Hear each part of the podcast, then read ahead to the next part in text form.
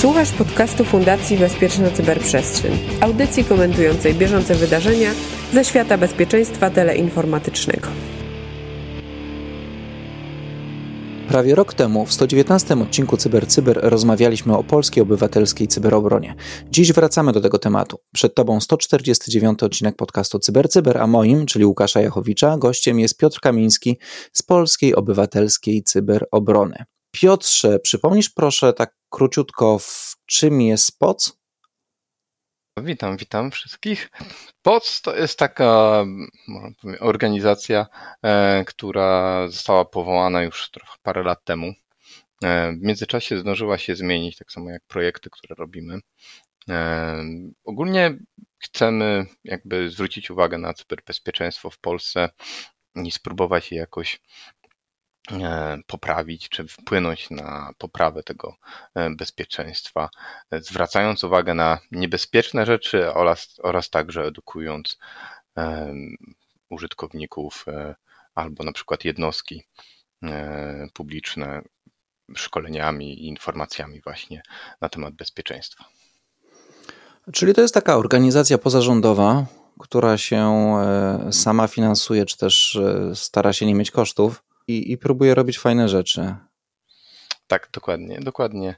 Tak, y, no oczywiście wszyscy tutaj wolontari wolontaryjnie pomagają, próbują coś zrobić, żeby to jakoś popchać ten wózek do przodu kaganek oświaty cyberbezpieczeństwa. Tak, ja, ja, ja natknąłem się kiedyś na szkolenia, które robiliście dla administracji publicznej. Wydaje mi się, że tydzień wcześniej albo tydzień później ja też prowadziłem już w imieniu swojej firmy jakieś szkolenie dla administracji, także to był jakiś większy cykl i to było fajne. Tak, bardzo fajnie to wyszło. Y, tutaj w ogóle był taki projekt y, Ministerstwa Cyfryzacji. Wtedy ja nie pamiętam, bo te, te nazwy też się zmieniają w tych ministerstwach. E, ale właśnie mieliśmy parę naszych, parę naszych członków opowiadało e, na temat różnych zagadnień związanych z bezpieczeństwem, e, bezpieczeństwem stron internetowych, bezpieczeństwo Wi-Fi, bezpieczeństwo ogólne, więc firewall, naprawdę jakby zakres tematów, które poruszyliśmy, był dość szeroki. No właśnie, od, od takiego naszego ostatniego spotkania rok temu śledzę e, profil twitterowy Polskiej Obywatelskiej Cyberobrony. Nie jest jakoś szczególnie aktywny, ale, ale kiedy coś nowego się pojawia na stronie, to tam meldujecie. I z tego co widzę, w każdym razie tak wynika z Twittera, takim głównym projektem widocznym na zewnątrz e, są metryki. No więc wchodzę na stronę pozorg.pl łamane przez metryki i widzę nagłówek. Czy można ocenić i monitorować stan bezpieczeństwa i rozwoju polskiej cyberprzestrzeni? No właśnie, można? E, oczywiście, że można. E, jak Polacy, jak nasz naród, oczywiście jesteśmy super w ocenianiu i komentowaniu e, tego i też staramy się to robić, nie, nie, nie chcąc być gorszym.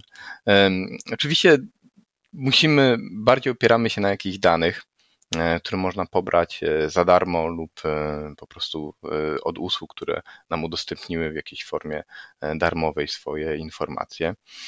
E, no i próbujemy to robić. Na razie tak naprawdę projekt jest e, cały czas rozwijany. E, mamy pewne pomysły, w które strony to pójdzie. Na razie zaczęliśmy o, życie pierwsze w ogóle jakie dane się pojawiły na tej stronie to są z Shodana. Mam nadzieję, że wszyscy znają Shodana. Jeśli nie, to, to zapraszam. Jest bardzo świetny serwis, który po prostu skanuje wszystko.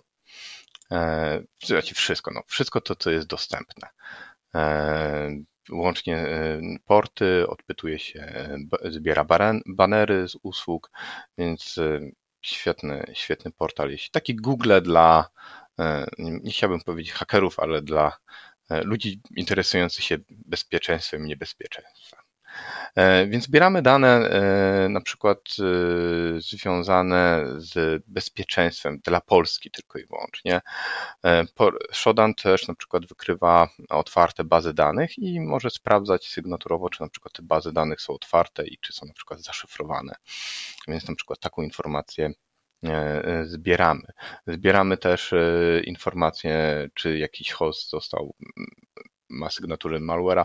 Chociaż te, tak naprawdę te reguły sygnatury Shodana już są tak trochę, jeśli chodzi o malware, to wymierające, dlatego dodaliśmy też inne, inne inne źródła danych, ale też na przykład postanowiliśmy zbierać też dane ogólne niezwiązane z bezpieczeństwem, ale na przykład ile urządzeń związanych z, z protokołem, z urządzeniami medycznymi jest dostępny publicznie e, w naszej polskiej cyberprzestrzeni, e, także jak zwiąże, e, urządzenia związane z systemami w fabrykach, czy w ogóle IoT-ami różnej maści, które mamy w domu. I też właśnie pokazujemy trendy związane z tym, czy jest coraz więcej tych urządzeń i na razie z Shodana pierwsze, co zrobiliśmy, to z Shodana właśnie zbieraliśmy. E, później dodaliśmy mm, portal e, URL House, e, który zbiera linki, jakby to jest takim, zbiera wszystkie podejrzane adresy IP i domeny, które możemy sobie po prostu zablokować które uczestniczą w różnych jakichś tam atakach e, na, na użytkowników. Tak, to no jest chyba jedna z podstawowych baz, które się wykorzystuje, jak się bada ataki malware'owe, że tak. porównuje ją z logami i patrzymy, o, tutaj chyba coś się nie powinno znaleźć w naszych logach, a Urhouse pokazuje, że jest, jest, jest coś niemiłego. Tak, dokładnie, więc y, przyczesujemy własnym skryptem, y, szuka, wyszukujemy adresy IP, które są, y, mają lokalizację w Polsce i po prostu zbieramy ich liczbę e, co tydzień i udostępniamy naszą stronę i patrzymy, co jest. Ostatnio właśnie dzięki temu mm, znaleźliśmy, mm, monitorujemy takie piki i e, teraz e, aktualnie jesteśmy na piku, który analizujemy. Chyba to był grudzień e, był poprzedni pik, który był związany z infekcją też z, e, z Mirai i ogólnie malwarami związanymi z IoT-ami, które infekują routery i inne rzeczy. E, chyba jakaś polska, nie, jedna polska film to po prostu zostały zainfekowane dużo ich urządzenia i, i to było wynikiem, wynikiem. E, mamy ten raport też na naszej stronie, więc sobie warto można poczytać. No właśnie, bo zbieracie te dane, bierzesz dane z Shodana, bierzesz tam, patrzyłem, e, e, Grey Noisa też chyba wpięto, żeby. Tak, sobie... i ostatnio właśnie wpieliśmy Grey Noisa, bo brakowało nam, bo tak naprawdę Your House mamy trzy rodzaje różnych danych, różnych źródeł. Shodan to jest tak naprawdę to, co skanuje, to, co jest publicznie dostępne. URL House to jest tak naprawdę kto, to jest to, kto różni researcherzy e, lub inni użytkownicy dodają jako po prostu e, jakieś podejrzane. No i Greynotes jest to takim honeypotem, czyli wykrywa to, co wychodzi z naszej polskiej cyberprzestrzeni tak naprawdę i skanuje e, świat. Więc jakby mamy z trzech różnych e, jakby perspektyw możemy oglądnąć, co się dzieje tak naprawdę z naszym, w naszej cyberprzestrzeni. OK, czyli zbierasz te dane, lądują w bazach, powstają na ich podstawie jakieś takie wykresy pokazujące trendy, powstają jakieś krótkie raporty, ale co jeszcze się dzieje z takimi danymi? Czy nie wiem, ktoś się kontaktuje z administratorami zagrożonych adresów IP, czy wysyłać je do jakiegoś CERT-u? Czy do, do, do czego poza takim ogólnym e, oszacowaniem, co się dzieje w polskiej cyberprzestrzeni, to służy? Oczywiście, jak znajdziemy coś mega podejrzanego, poprzednio też robiliśmy na przykład e, związane skany też i z Shodana, i z własne Zerologon, to zgłaszaliśmy też do, e, do z, z polskiego CSERT-u e, z którym też jakoś tam współpracujemy, więc staramy się to robić.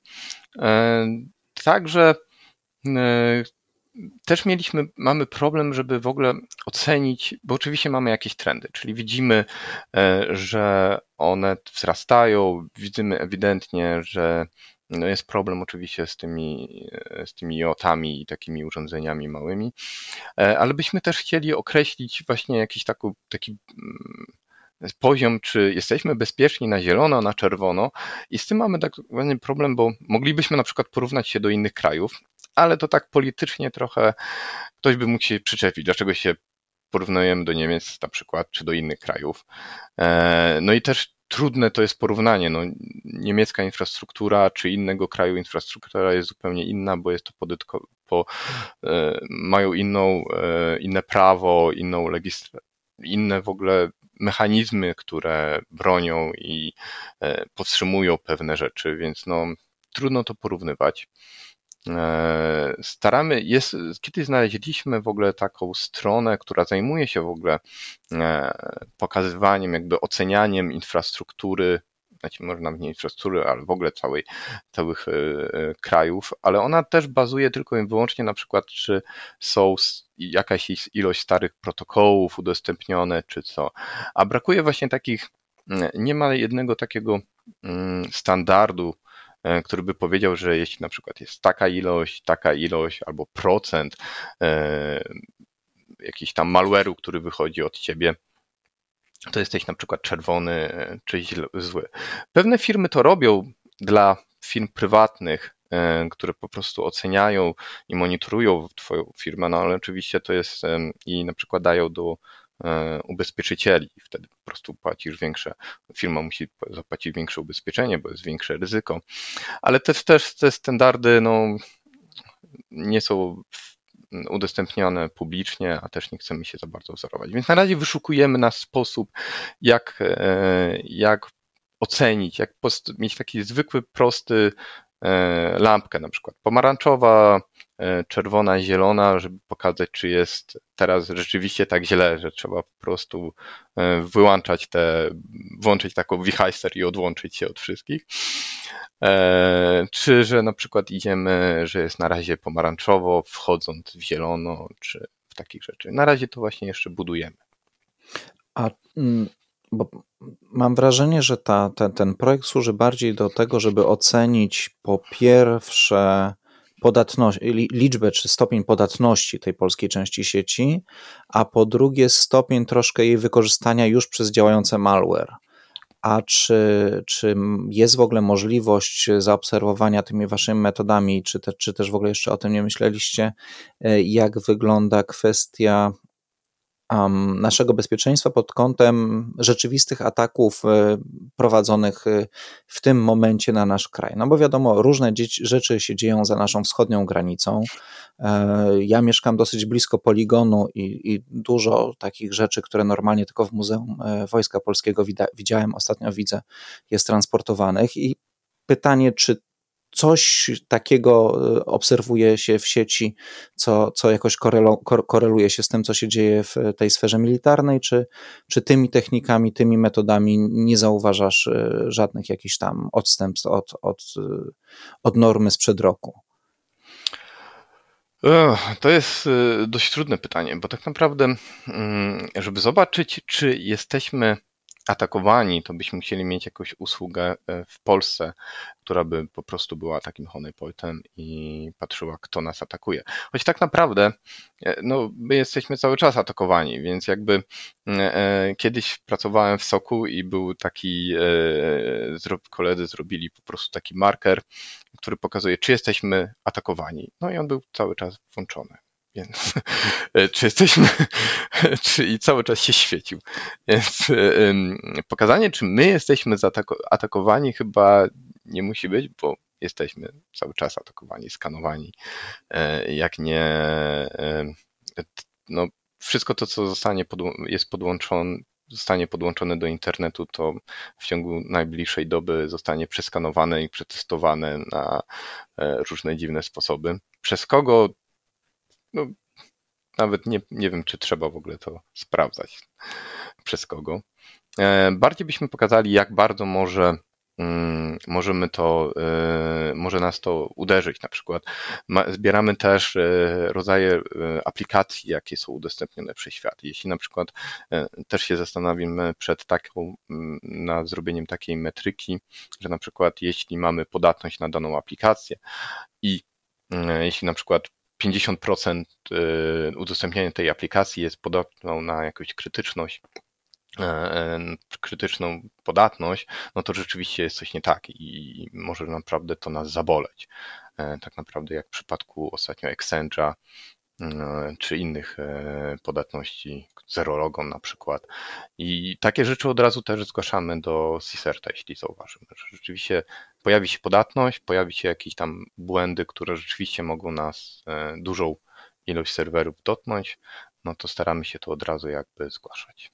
No to może to jest w ogóle temat na jakiś raport POC-u dotyczący stanu przygotowania polskiej cyberprzestrzeni na ewentualny konflikt. Zwłaszcza, że no, w tym tygodniu ogłoszono, że e, powstają Wojska Obrony Cyberprzestrzeni. Zaprezentowano logotyp. E, generał Molenda został e, dowodzącym tego e, e, komponentu, o, bo to się nazywa komponentem. E, I oni się mają zajmować właśnie ofensywą, rekonesansem i, i defensywą. Ja, jak, ja się właśnie tak zastanawiam, jak mając za sobą wiele miesięcy obserwowania tego, jak wygląda e, ten ruch w Polsce, co jest właśnie widoczne, a nie powinno być widoczne, e, jak to wszystko jest łatane, to jak tak generalnie, ja wiem, czerwona lampka ma się cały czas świecić, ale jak tak generalnie oceniasz stan cyberbezpieczeństwa Polski? No, porównując właśnie do ostatnich ataków, na przykład na Exchange czy, e, czy inne podatności jak Zrologon, no to tak naprawdę jeśli ktoś się e, nie zabierze z zewnątrz i nie zeskanuje tych, nie poinformuje odpowiednich służb, to myślę, że to, to jest kiepsko i brakuje takiego. Mm, tylko nie wiem, czy ten oddział, co mm, teraz powstał, będzie się zajmował w ogóle infrastrukturą publiczną, czy tak naprawdę infrastrukturą wojskową. Teraz przecież mamy chyba trzy CCRT, tak, w Polsce jeszcze dochodzi nowa, nowa formacja, więc pytanie, czy zwiększanie formacji rzeczywiście wpłynie na sposób reakcji i w sposób e, naprawy tych wszystkich podatności. To jest nie sądzę, żeby to w jakikolwiek pomogło, niestety. Czy tam mi się wydaje, że w skład tych wojsk obrony cyberprzestrzeni wejdzie po prostu to, co było do tej pory znane jako e, Narodowe Centrum Bezpieczeństwa Cyberprzestrzeni. I, i, I to jest ekipa, która też się zajmuje defensywą. No więc Zobaczymy. No mam nadzieję, że, że uda nam się kogoś z Wojsk Obrony Cyberprzestrzeni w ogóle zaprosić do podcastu, bo to jest e, bardzo istotny temat w tej chwili. Ja sam mam mnóstwo pytań. E, Tutaj ale... POK e, przecież e, my robiliśmy, skanowaliśmy strony posłów tak. dość mocno i ten raport też był upubliczniony. No i jakby ani CISERT, ani inne jakby mm, właśnie twory nie były w stanie zmienić tego stanu tych stron posłów, więc to jest, y, to jest niestety, nie, nie jeszcze raz, ale nigdy nie dostaliśmy informacji, że coś zostało zmienione. Pewnie będziemy musieli ten projekt powtórzyć. No teraz nie. będą, kampania wyborcza wkrótce się zacznie, także myślę, że albo, albo pod to przeskanuje, albo zrobią to ludzie, którzy nie mają uczciwych zamiarów, więc chyba tak. znaczy, mam też wielką nadzieję, że świadomość e, polskich polityków, takich indywidualnych, też się trochę poprawiła po tych e, atakach na ich konta twitterowe kilka miesięcy temu po, po tym, co, co widzimy na poufnej rozmowie i, i wystarczyło wypłynięcie jednego hasła prawdopodobnie, bo ciągle chyba oficjalnie nie wiadomo, jak, w jaki sposób ta poczta znalazła się w czyichś rękach. E, no i, i, i generalnie chyba ludzie zaczynają więcej myśleć o cyberbezpieczeństwie. Pytanie tylko oczywiście, e, czy również w praktyce o, o nim myślą, czy w teorii. Rzeczywiście powtórzenie tego e, projektu związanego z posłami, o nim rozmawialiśmy rok temu, to, to właśnie byłoby bardzo interesujące i takie nie dość, że zapisanie czy tam pokazanie, jaki jest obecny stan, ale też pokazanie, jaka jest zmiana na lepsze, na gorsze czy bez zmian. Także to będzie dosyć ciekawe. Tak, no, ogólnie z bezpieczeństwem jakby i zwykłymi ludźmi problem jest w tym, że bardzo trudno jest myśleć abstrakcyjnie i e, trudno jest zrozumieć ryzyko związane z bezpieczeństwem czegoś, co nie możesz dotknąć e, i zrozumieć. No, każdy, każdy z nas, każdy człowiek jest jakby przystosowany do rozumienia ryzyka jakby własnej, własnej wioski, tak? E, te nasze e, ten postęp technologiczny po prostu poszedł tak szybko, że no nie jesteśmy do końca przystosowani do rozumienia tak abstrakcyjnych i skomplikowanych tematów jak bezpieczeństwo w, w cyberprzestrzeni. E, według mnie oczywiście takie metryki i inne rzeczy jakoś tam pomagają, bo to jest coś, co możesz właśnie do, przynajmniej wizualizować sobie. ale nadal to jest niestety jakby trzeba ten temat dotykać dość często. On, ludzie też często zapominają, to kiedyś mówiliśmy, wszystko w internecie e, zostanie zapomniane albo wytknięte, wytknięte. Zawsze ktoś znajdzie jakiś błąd. E, I, więc w całym tym szumie informacyjnym myślę, że e, zostanie zapomniany ten cały case, który był związanym z wyciekiem haseł. Jeśli nie będzie jakiejś organizacji, która będzie co miesiąc pałowała, wychodziła z tą pałką i mówiła, że ej, albo z tym dzwoneczkiem takim, ej, zaraz będzie atak, to niestety się nic nie zmieni. Znaczy, Adam Hertle, e, kiedyś z nim rozmawiałem na, na ten temat i on chyba później zresztą e, w jakiejś prezentacji poruszył też ten e, wątek. Ale to zupełnie temat na zupełnie inną rozmowę, bo, bo, bo rzeczywiście tak, rzeczywiście jest problem, że ludzie się nie przejmują cyberbezpieczeństwem, ale z drugiej strony, jak słusznie zauważyłeś, mamy ogromny postęp techniczny w bardzo krótkim czasie i ludziom się jest ciężko przestawić, co oznacza, że e, jak wspomniał Adam, e, to, to, to nie do końca my się powinniśmy śmiać z głupoty użytkowników, tylko raczej powinniśmy, ktoś się powinien wyśmiewać nas, programistów, bezpieczników, ludzi odpowiedzialnych za te technologie, że wymyśliliśmy technologię, która pozwala robić tak głupie błędy.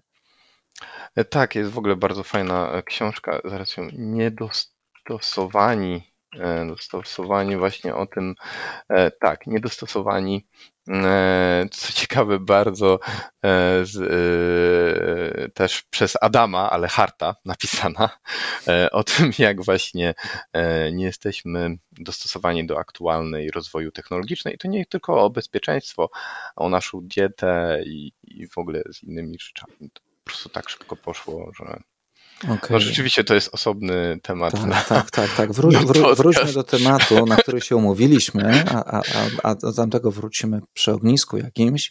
Hmm, tak. E, jak przeglądasz te dane, które, które e, potem próbujesz opakować w raport albo w wykresy, czy coś cię zaskakuje? Nie wiem, czy coś się wyróżnia, czy jest jakaś kategoria urządzeń, która się mocno wybija, a może jest coś, czego się nie spodziewałeś, a, a, a z, ze statystyk takich zbiorczych wynika, że jednak to coś jest e, szczególnie dużo tego albo szczególnie mało.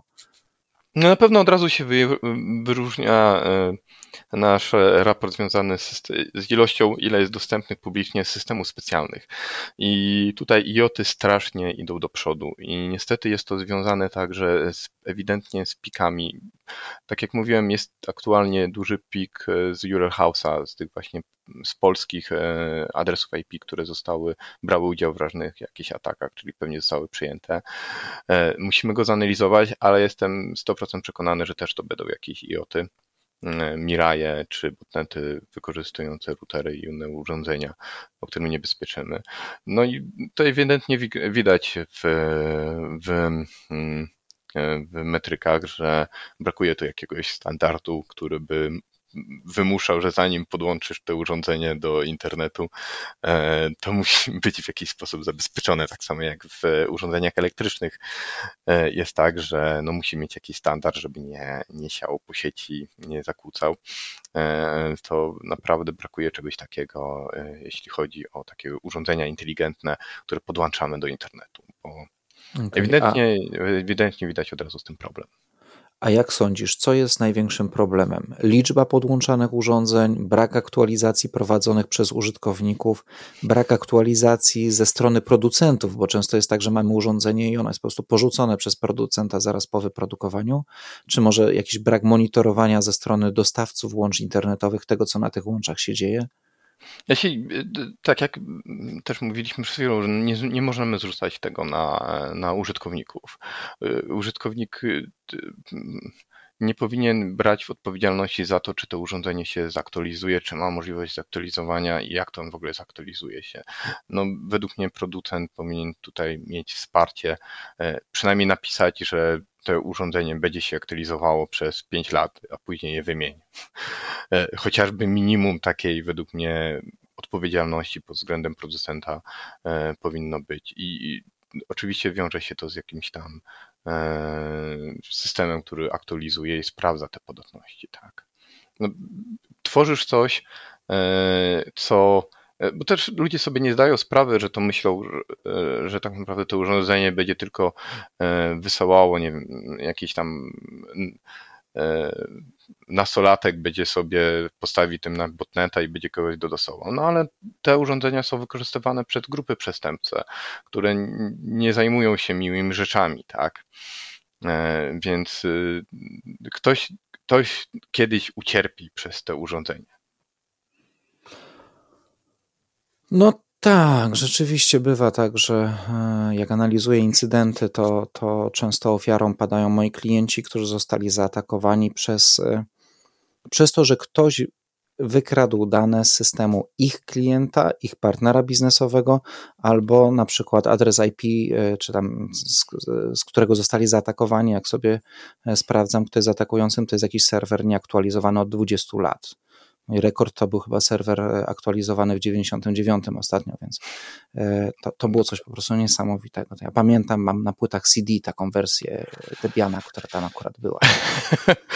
No, Ale nie spodziewałem tak. się, że na żywo ją kiedykolwiek zobaczę. No tak, tak. tak więc... Tak, tak z ciekawości, kiedy, kiedy nie wiem, e, pojawia się jakiś e, nowy rodzaj podatności, tak jak był ten Exchange niedawno, e, znaczy niedawno, to był marzec zeszłego roku, to już nie tak bardzo niedawno, ale na przykład w grudniu e, był poważny błąd w, bibliotece Log4j.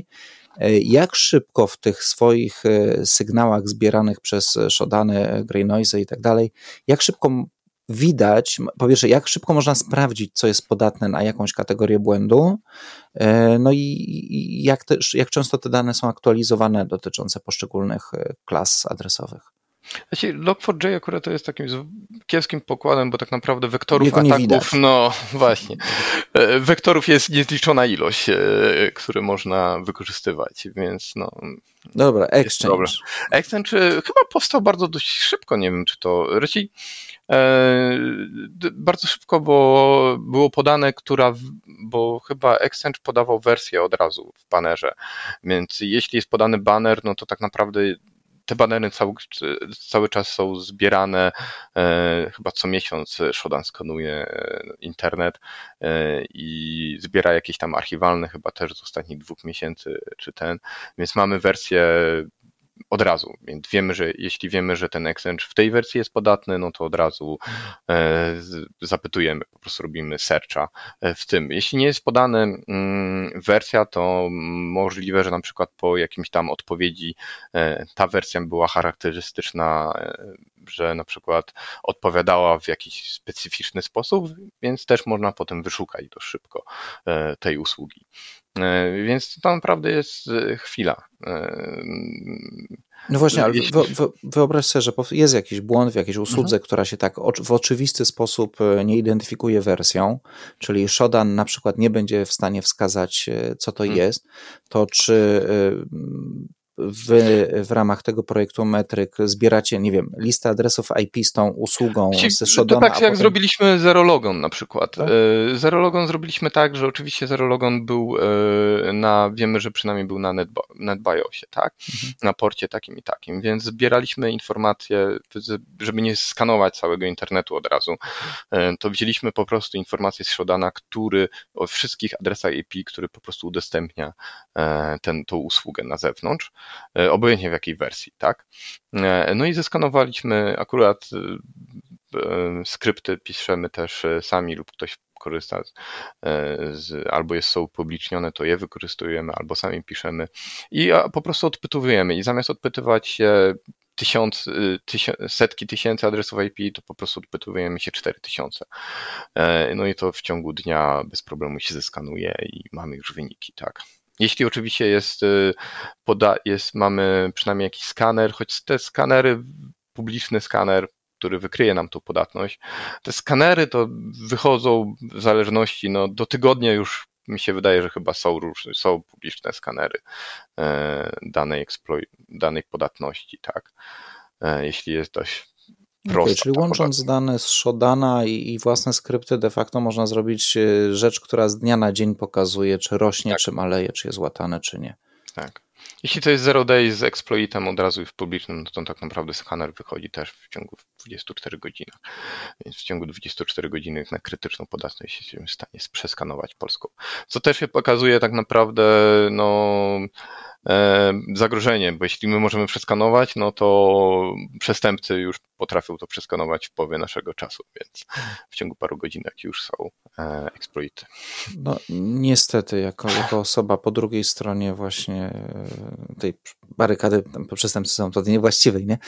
Nie tej, to rzeczywiście re, re, rekord to był serwis, który badałem, który padł 10 minut po tym, jak ujawniono istnienie błędu no bo widać było, że przestępcy mieli zmapowane wszystkie, e, wszystkie te konkretne rodzaje usługi i tylko czekali na exploita, którego podepną pod gotowy. E, tak. Do, dostarczą payload, no. Tak to był taki mem, że e, twój, ktoś przychodzi do danej firmy i mówi, zostaliście schakowani. Ale jak to przecież spaczowaliśmy godzinę po, po, po wyjściu paczki, a wy zostaliście schakowani to już dwa tygodnie temu. tak, tak też bywa. No tutaj, tutaj jest zasada właśnie defense in the depth, e, czyli no, hmm, miecie różnych, różne kontrolki bezpieczeństwa na różnych warstwach jednak się przydaje. Tak jest. No dobra, to na zakończenie, gdybym chciał wziąć udział w rozwoju projektu takiego monitorowania bezpieczeństwa, to jak mogę to zrobić jako osoba z zewnątrz, ze e, środka? Jak to, jakby to wyglądało? Jest właśnie ostatnio tutaj koledzy zrobili świetną infografikę, e, bo ostatnio to było dużo tekstu i chyba nikt tego nie czytał, choć nie, nie dziwię. Mamy teraz piękną infografikę na stronie pod.org.pl przez rekrutacja. E, w tej infografice jest wszystko opisane i trzeba wypełnić ankietę e, i mieć własny klucz PGP, który też jest tam jakaś instrukcja, żeby to zrobić i po prostu wysłać. I jeśli ta e, petycja o, przy, o przyłączenie nowego członka jest po prostu ogląd, sprawdzana przez wszystkich, przez wszystkich nas. Jeśli wszyscy się zgadzają i nikt nie ma przeciw, to e, osoba jest dołączana. A jeżeli na przykład jestem osobą, która nie spełnia statutowych założeń, bo tam pamiętam, że rozmawialiśmy, że trzeba być chyba polskim obywatelem, albo nie jestem osobą z gatunku zrzeszających się, ale mimo wszystko mam jakieś fajne pomysły, to, to, to zostanę wysłuchany? Nie, no na pewno. Też e, oczywiście jeśli macie jakieś pomysły, czy ten Greynosa, tak naprawdę informacje o Greynosie dostaliśmy też od po prostu przez komentarz e, na naszym Twitterze od, e, nie pamiętam e, tej osoby, ale po prostu skomentował i stwierdziliśmy, o fajna usługa. Ciekawie by to dodać. No i dodaliśmy, więc każdy jakiś tam sposób komentowania staramy się oczywiście przeczytać i, i uwzględnić. Super. No to bardzo dziękuję za, za rozmowę. W ten sposób w ten sposób końca dobiegł 149 odcinek podcastu CyberCyber. Cyber. Moim gościem był Piotr Kamiński z Polskiej Obywatelskiej Cyberobrony. Więcej na temat tej organizacji znajdziesz na stronie poc.org.pl, ale też na przykład w 119 odcinku podcastu CyberCyber. Cyber. A archiwalne odcinki znajdziesz na stronie Fundacji Bezpieczna Cyberprzestrzeń, na fundacyjnym kanale YouTube oraz w Twojej aplikacji podcastowej. Nazywam się Łukasz Jachowicz i zapraszam na kolejne odcinki CyberCyber. Cyber. Do usłyszenia.